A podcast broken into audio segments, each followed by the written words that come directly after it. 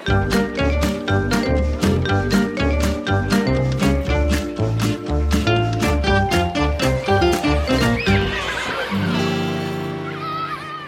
denne episoden skal vi snakke om en 20-åring, for det har gått over 20 år siden Lærerforbundet og Norsk Lærerlag på sine ekstraordinære landsmøter vedtok å slå sammen organisasjonene til en ny, stor fagforening, som i dag er Utdanningsforbundet.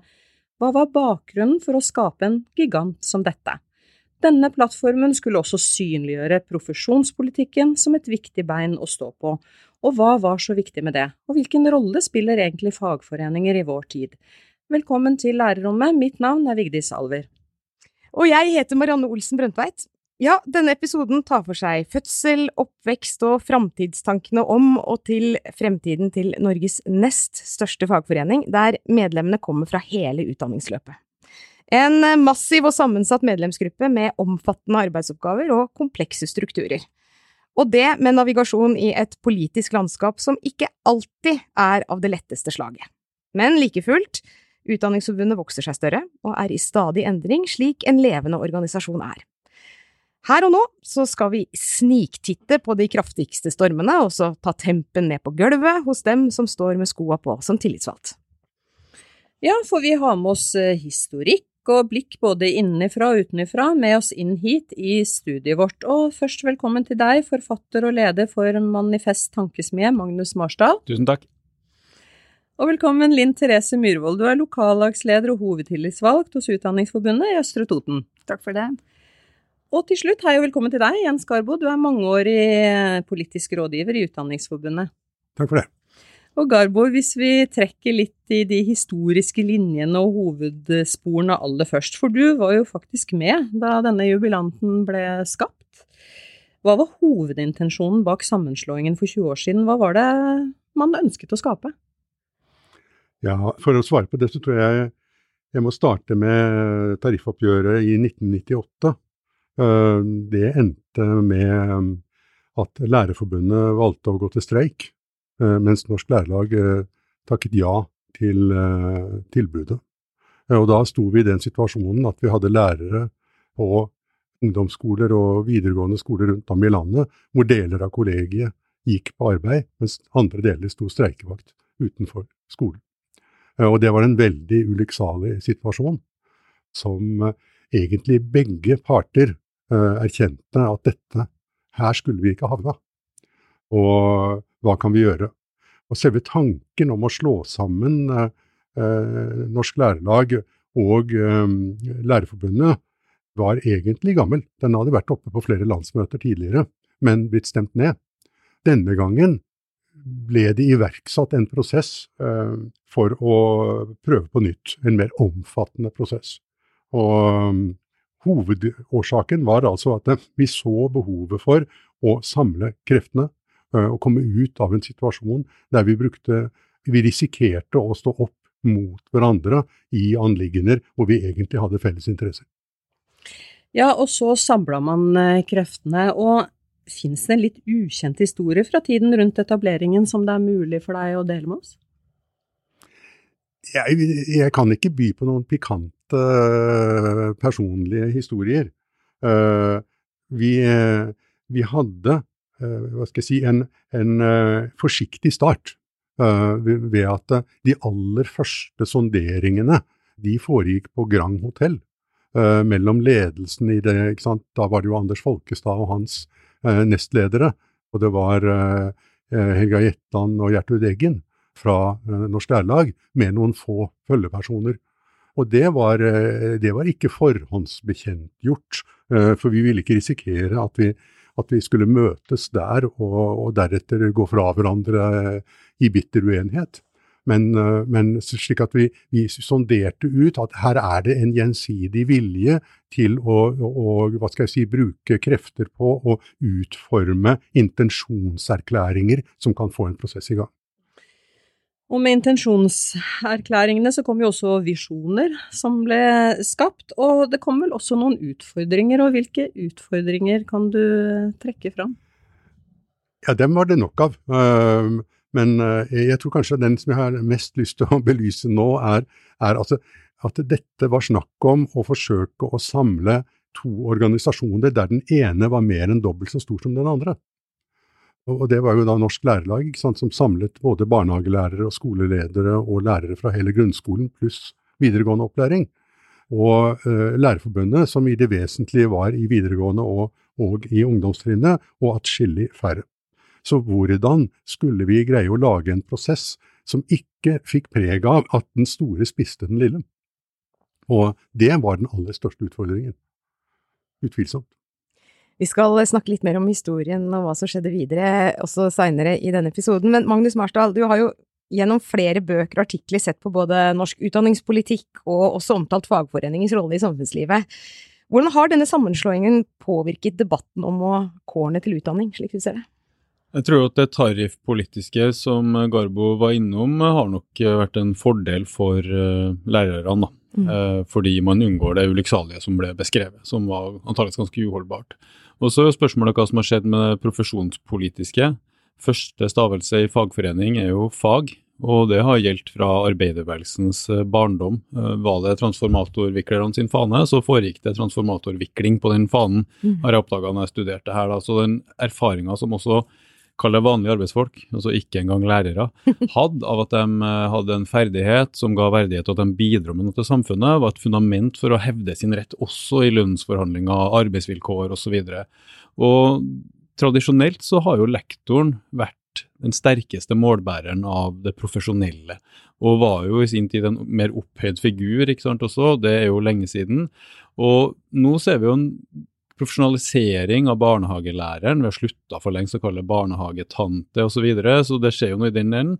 Men kanskje ble den lektorstemmen litt dempa en periode, hadde jeg følelse av. Kanskje ikke i dag, men at eh, jeg merka jo ut i Jeg har vært i forbundet ofte på kurs, konferanser regionalt rundt omkring, ikke sant. At det var jo en varhet for at man hadde ulik eh, bakgrunn, og noen hadde på en måte eh, mer statusprega utdanning enn de andre, og veldig varhet for å ikke lage noe konflikt der. ikke sant? Mm. Og da ble jeg kanskje en periode mye tariff, lite profesjon, men så har man også jobba mye med profesjon, da. Mm. Og jeg tror jo, altså det, det, handler jo om det å, å ta ansvar for kvaliteten, eh, vise at man er et myndig fagfellesskap, sånn som eksempel medisinerne, juristene og andre gjør. Ikke sant?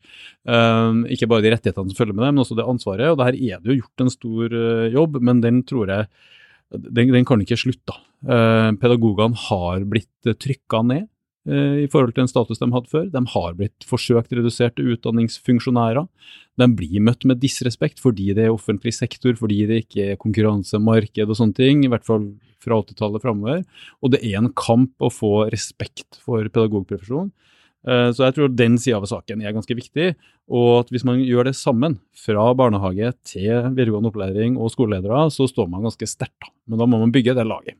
Ja, profesjonsstemmen til Utdanningsforbundet, du snakker om bredden og spekteret her. Eh, hvor tydelig vil du si at den er, eh, denne profesjonsstemmen til Utdanningsforbundet? Jeg syns det har blitt tydeligere. Eh, jeg følger ikke det her med seismograf eller noe sånt, men jeg føler liksom at uh, Steffen Handal som er forbundsleder nå, og det, det teamet der snakker liksom med myndighet om sånne ting, da.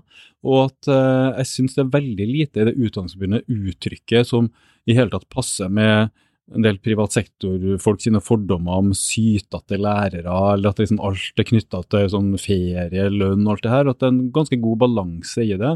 Og jeg tror jo også at eh, det henger i hop. Jeg tror at hvis man er opptatt av lønns- og arbeidsvilkår, som man bør være, eh, ikke minst pga. rekruttering, kvalitet og sånn, så den kanskje den raskeste veien til målet der er jo å styrke anseelsen til profesjon.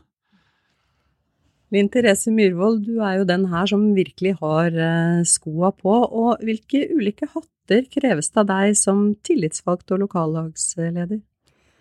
Jo, nei, det er, det er, jo flere hatter, egentlig. Eh, sånn i hovedsak så skiller jeg mellom to hovedhatter, da. Eh, den ene som lokallagsleder og en annen som hovedtillitsvalgt. Der hovedtillitsvalgtdelen i hovedsak går på den tradisjonelle fagforeningsdelen, da, for å kalle det det, retta mot lønn og arbeidsvilkår bistå enkeltmedlemmer i saker som oppstår på arbeidsplassen og i arbeidshverdagen dommes.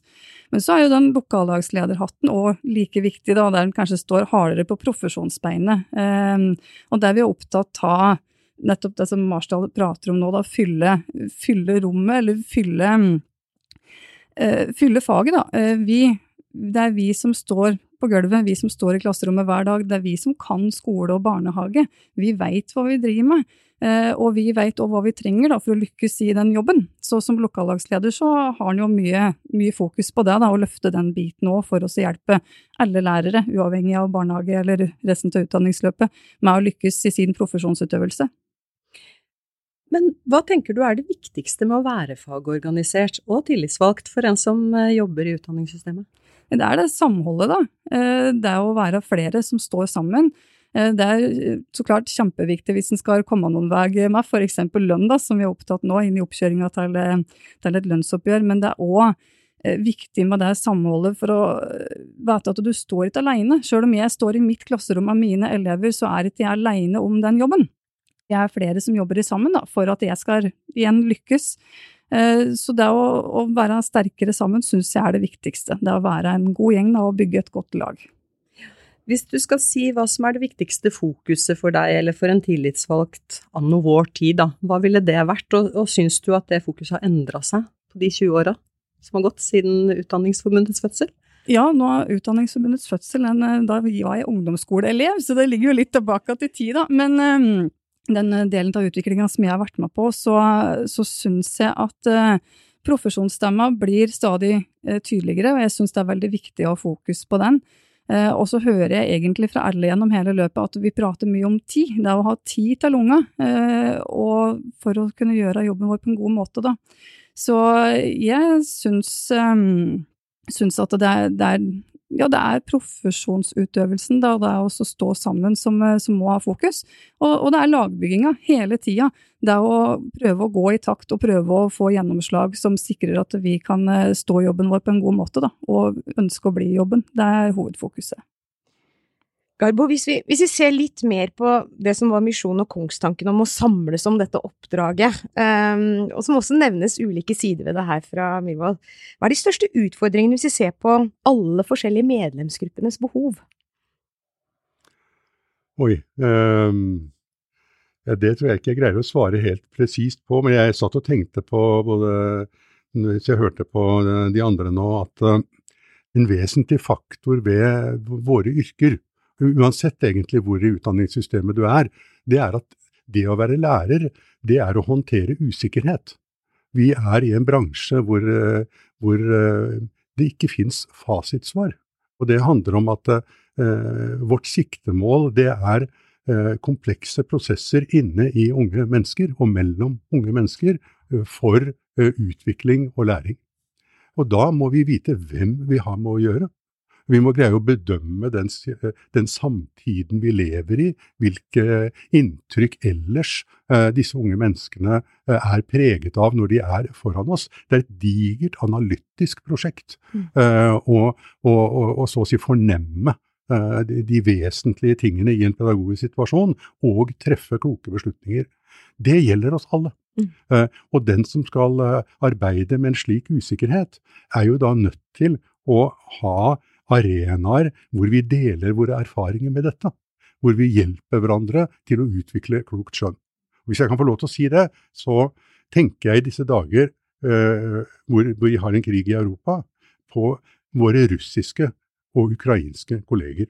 Vi har kolleger i Russland som nå har fått en læreplan hvor ordet krig er forbudt, og hvor det er forbundet med fengselsstraff å bruke begrepet krig og hvor Ukraina under ingen omstendighet må omtales som en selvstendig nasjon.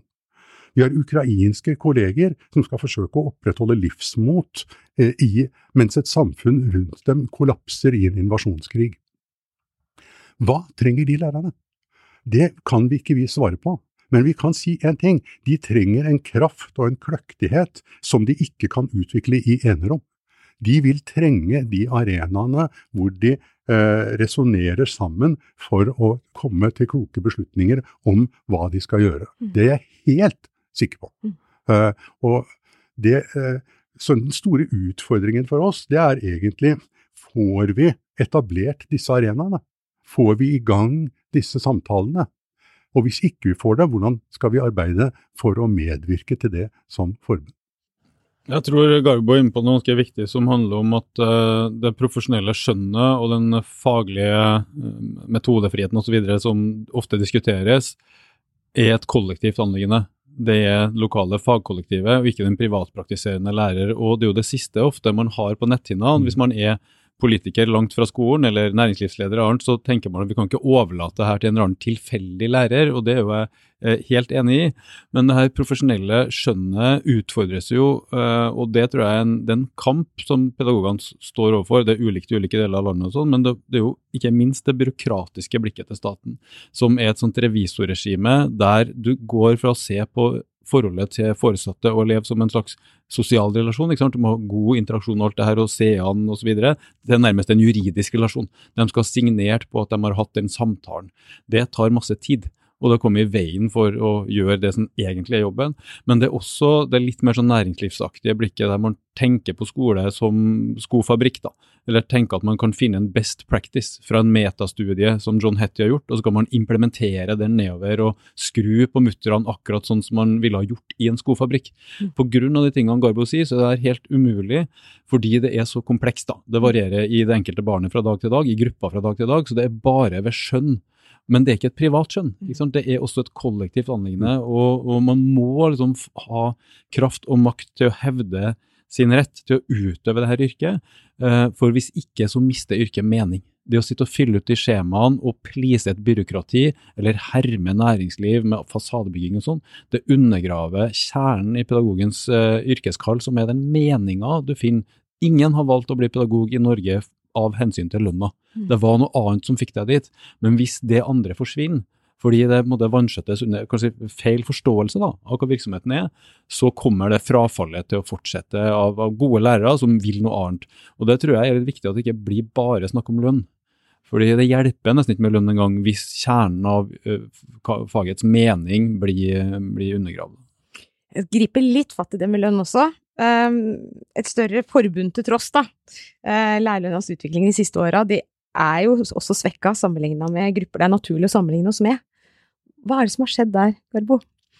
Uh, ja, jeg har vært med så lenge at det, det jeg vil kalle det, er mer eller mindre en vedvarende tilstand.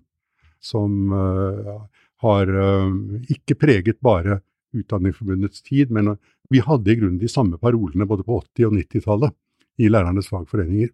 Og vi omtalte allerede da statusfall og tap av lønn sammenlignet med folk med tilsvarende kompetanse uh, i privat sektor. Så dette er en, uh, en, større tendens i samfunnet. Og det er jo dessverre riktig at heller ikke etter fusjonen har vi greid å, å, å få gjort noe substansielt med det. Og dette har vart så lenge at det er snakk om Eh, en opphopning, et etterslep er det begrepet vi ofte har brukt om det. Og det, det vil forutsette at den, altså landets største yrkesgruppe skal jekkes opp betydelig eh, for å nulle ut det. Innenfor de tariffsystemene vi har, og de tradisjonene vi har, er dette svært vanskelig å få til. Og vi blir veldig ofte presset opp i en type argumentasjonslinjer der våre rettmessige krav blir stilt opp mot lavtløntes like rettmessige krav om å få en lønn til å leve av, eh, og som anerkjenner deres viktige arbeid. Og vi lever i et samfunn hvor likhet og små forskjeller er en sentral verdi. Innenfor dette skal vi lykkes. Det er, det, er, ingen grunn til å late som om dette er enkelt. Og, og, man kan like gjerne spørre, hvis vi ikke hadde hatt Utdanningsforbundet, hvordan hadde lønna sett ut da? Så det, det, det, gir heller ikke egentlig noen fasit på om Utdanningsforbundet har lykkes eller ikke.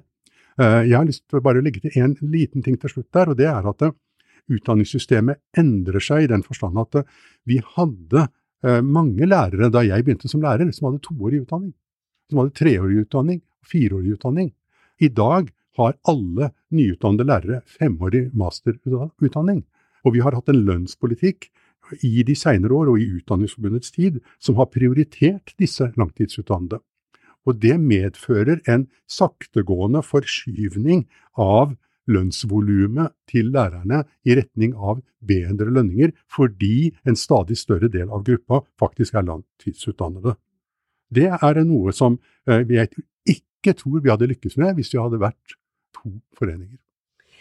Ja, det er en kompleks uh, materie her, og Magnus Marsdal, uh, lærer og langtidsutdannede er jo de med høyest fagforeningsprosent, hvis vi ser på organisasjonsgraden i Norge. Og hva har det å si for hvordan Utdanningsforbundet oppfattes?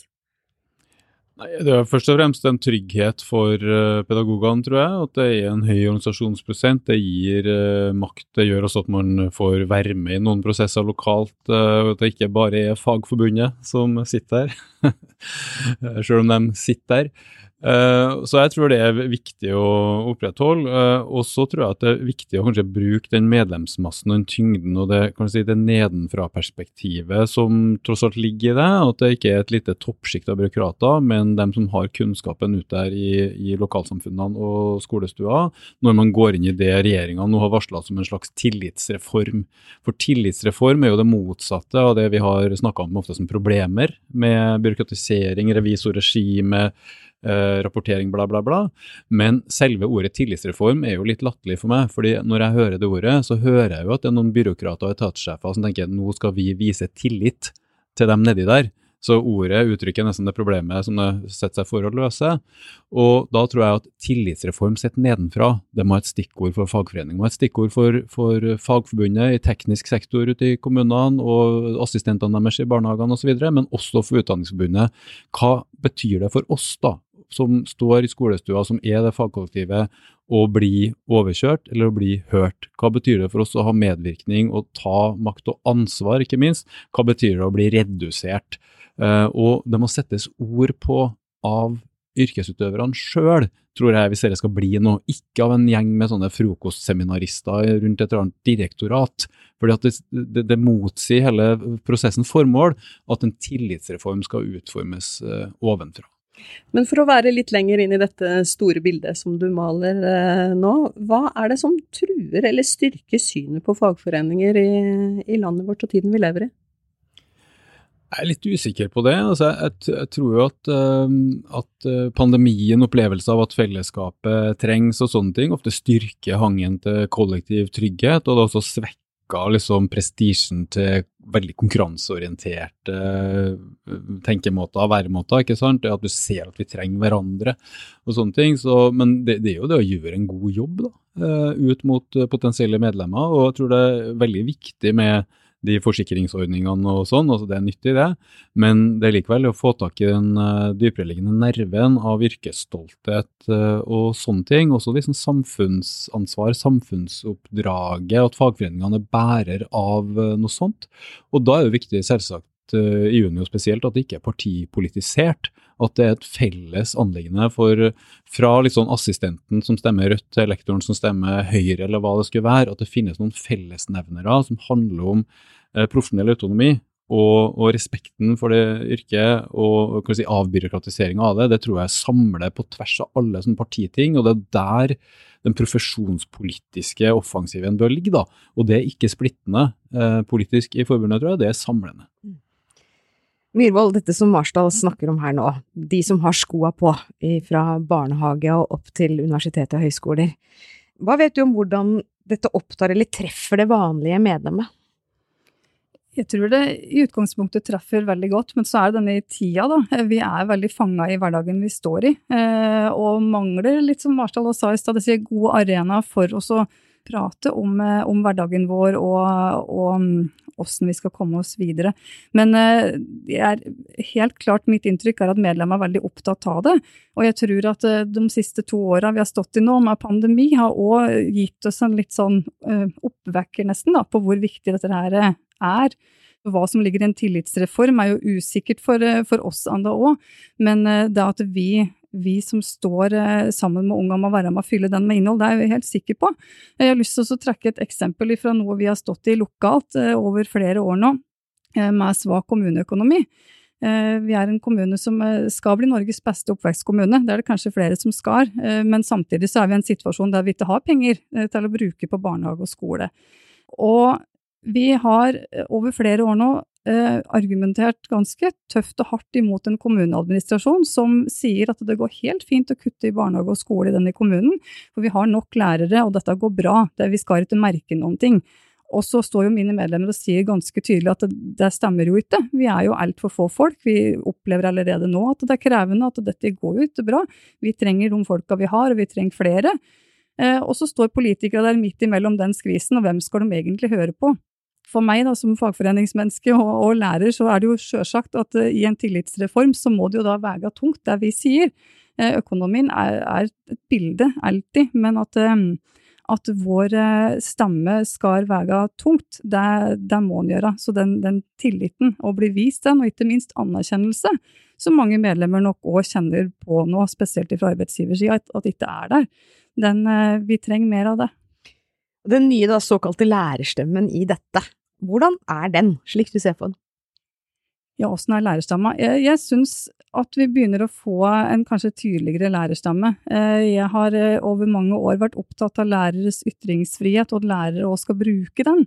Eh, jeg veit at det er mange lærere som har vegra seg, vært usikre på hva kan de si, og hva kan de ikke si. Og jo tettere på klasserommet eller barnehageavdelinga du står, jo vanskeligere er det kanskje òg å uttale seg for det du noen i hvert fall er eh, redd for at det skal bli tatt som at de ikke trives på jobb, at de egentlig ikke syns at dette er noe ålreit.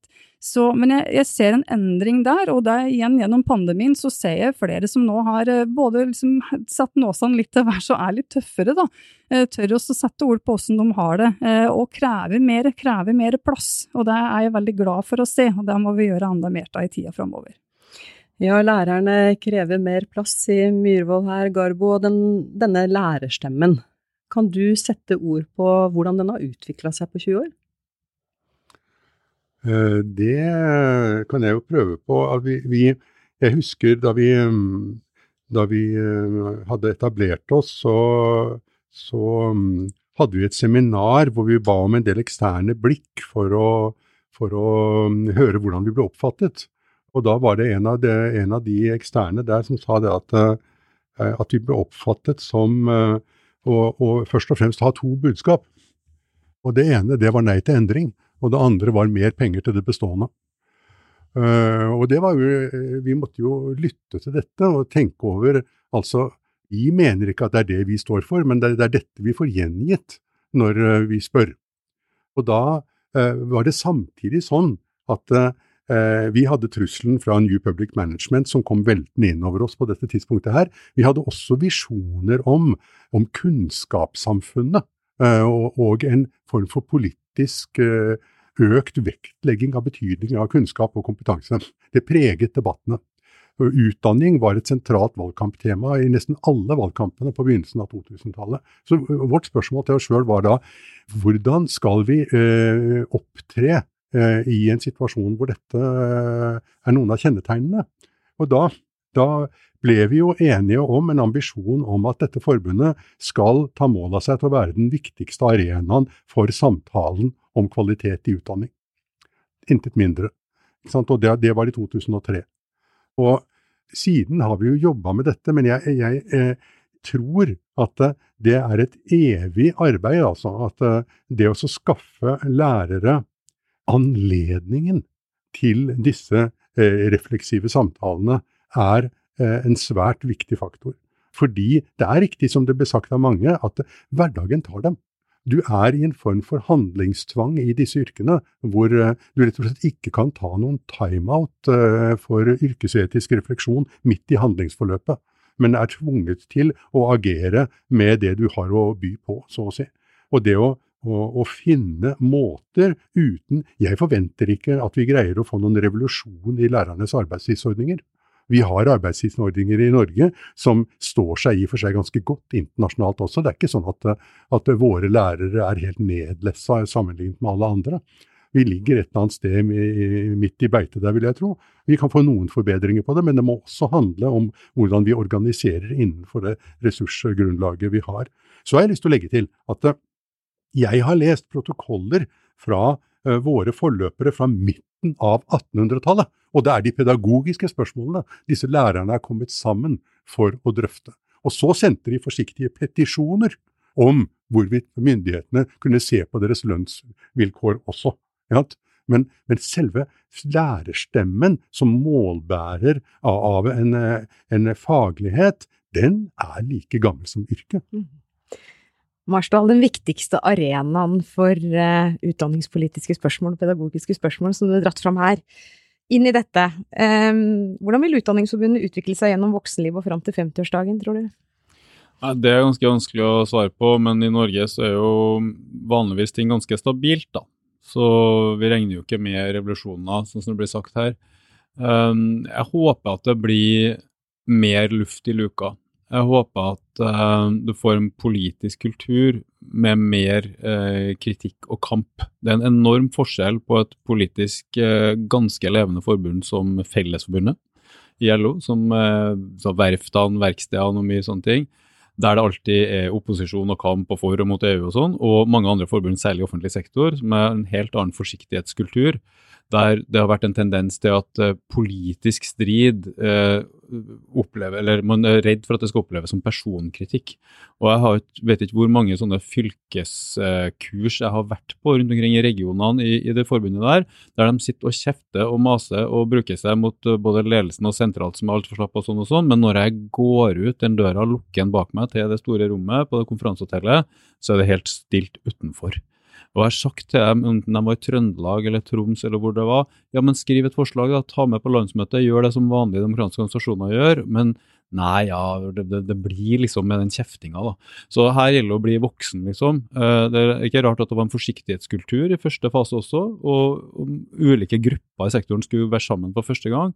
Nå er det her en myndig eh, 20-åring, da, og da må vi også kunne ha en, en tydeligere Uh, ja, politisk strid da, der det trengs. Eh, ikke partipolitisk eller noe sånt, men en kamp om linja, en kamp om makta, det som kjennetegner sunne norske demokratiske organisasjoner, det ønsker jeg den 20-åringen for de neste par tiårene. Ja, mer tydelighet blant annet, sier Marsdal eh, Myhrvold. Og du skal få siste ordet inn i denne episoden. og hvis du skal trekke noen veksler på det Marsdal sier her nå, eller hva tenker du blir det viktigste for deg som tillitsvalgt sammen med organisasjonen framover? Jo, nei, Det er jo fortsatt å bygge det sterke, gode laget. Eh, og selvsagt tåle motsetninger og tåle gode diskusjoner. Det er ikke farlig å være uenig, og uenighet er kjempeviktig kjempeviktig for utvikling. Og Hvis vi skal ha enda mer slagkraft framover, så, så, må vi ha fokus på det. Så jeg er helt enig i at det er en god vei å gå videre. Takk til dere Linn Myhrvold, Magnus Marsdal og Jens Garbo for at dere var med og snakket om 20-årsjubilanten Utdanningsforbundet. Lærerrommet kommer tilbake om ikke lenge med en ny episode med et nytt tema fra utdanningsfeltet. Vi gleder oss over at det er stadig flere som lytter på oss. Tips oss gjerne om ditt ønsketema, og del lærerrommet videre med alle du kjenner, ikke mindre enn det. Nå sier vi ha det bra. Ha det!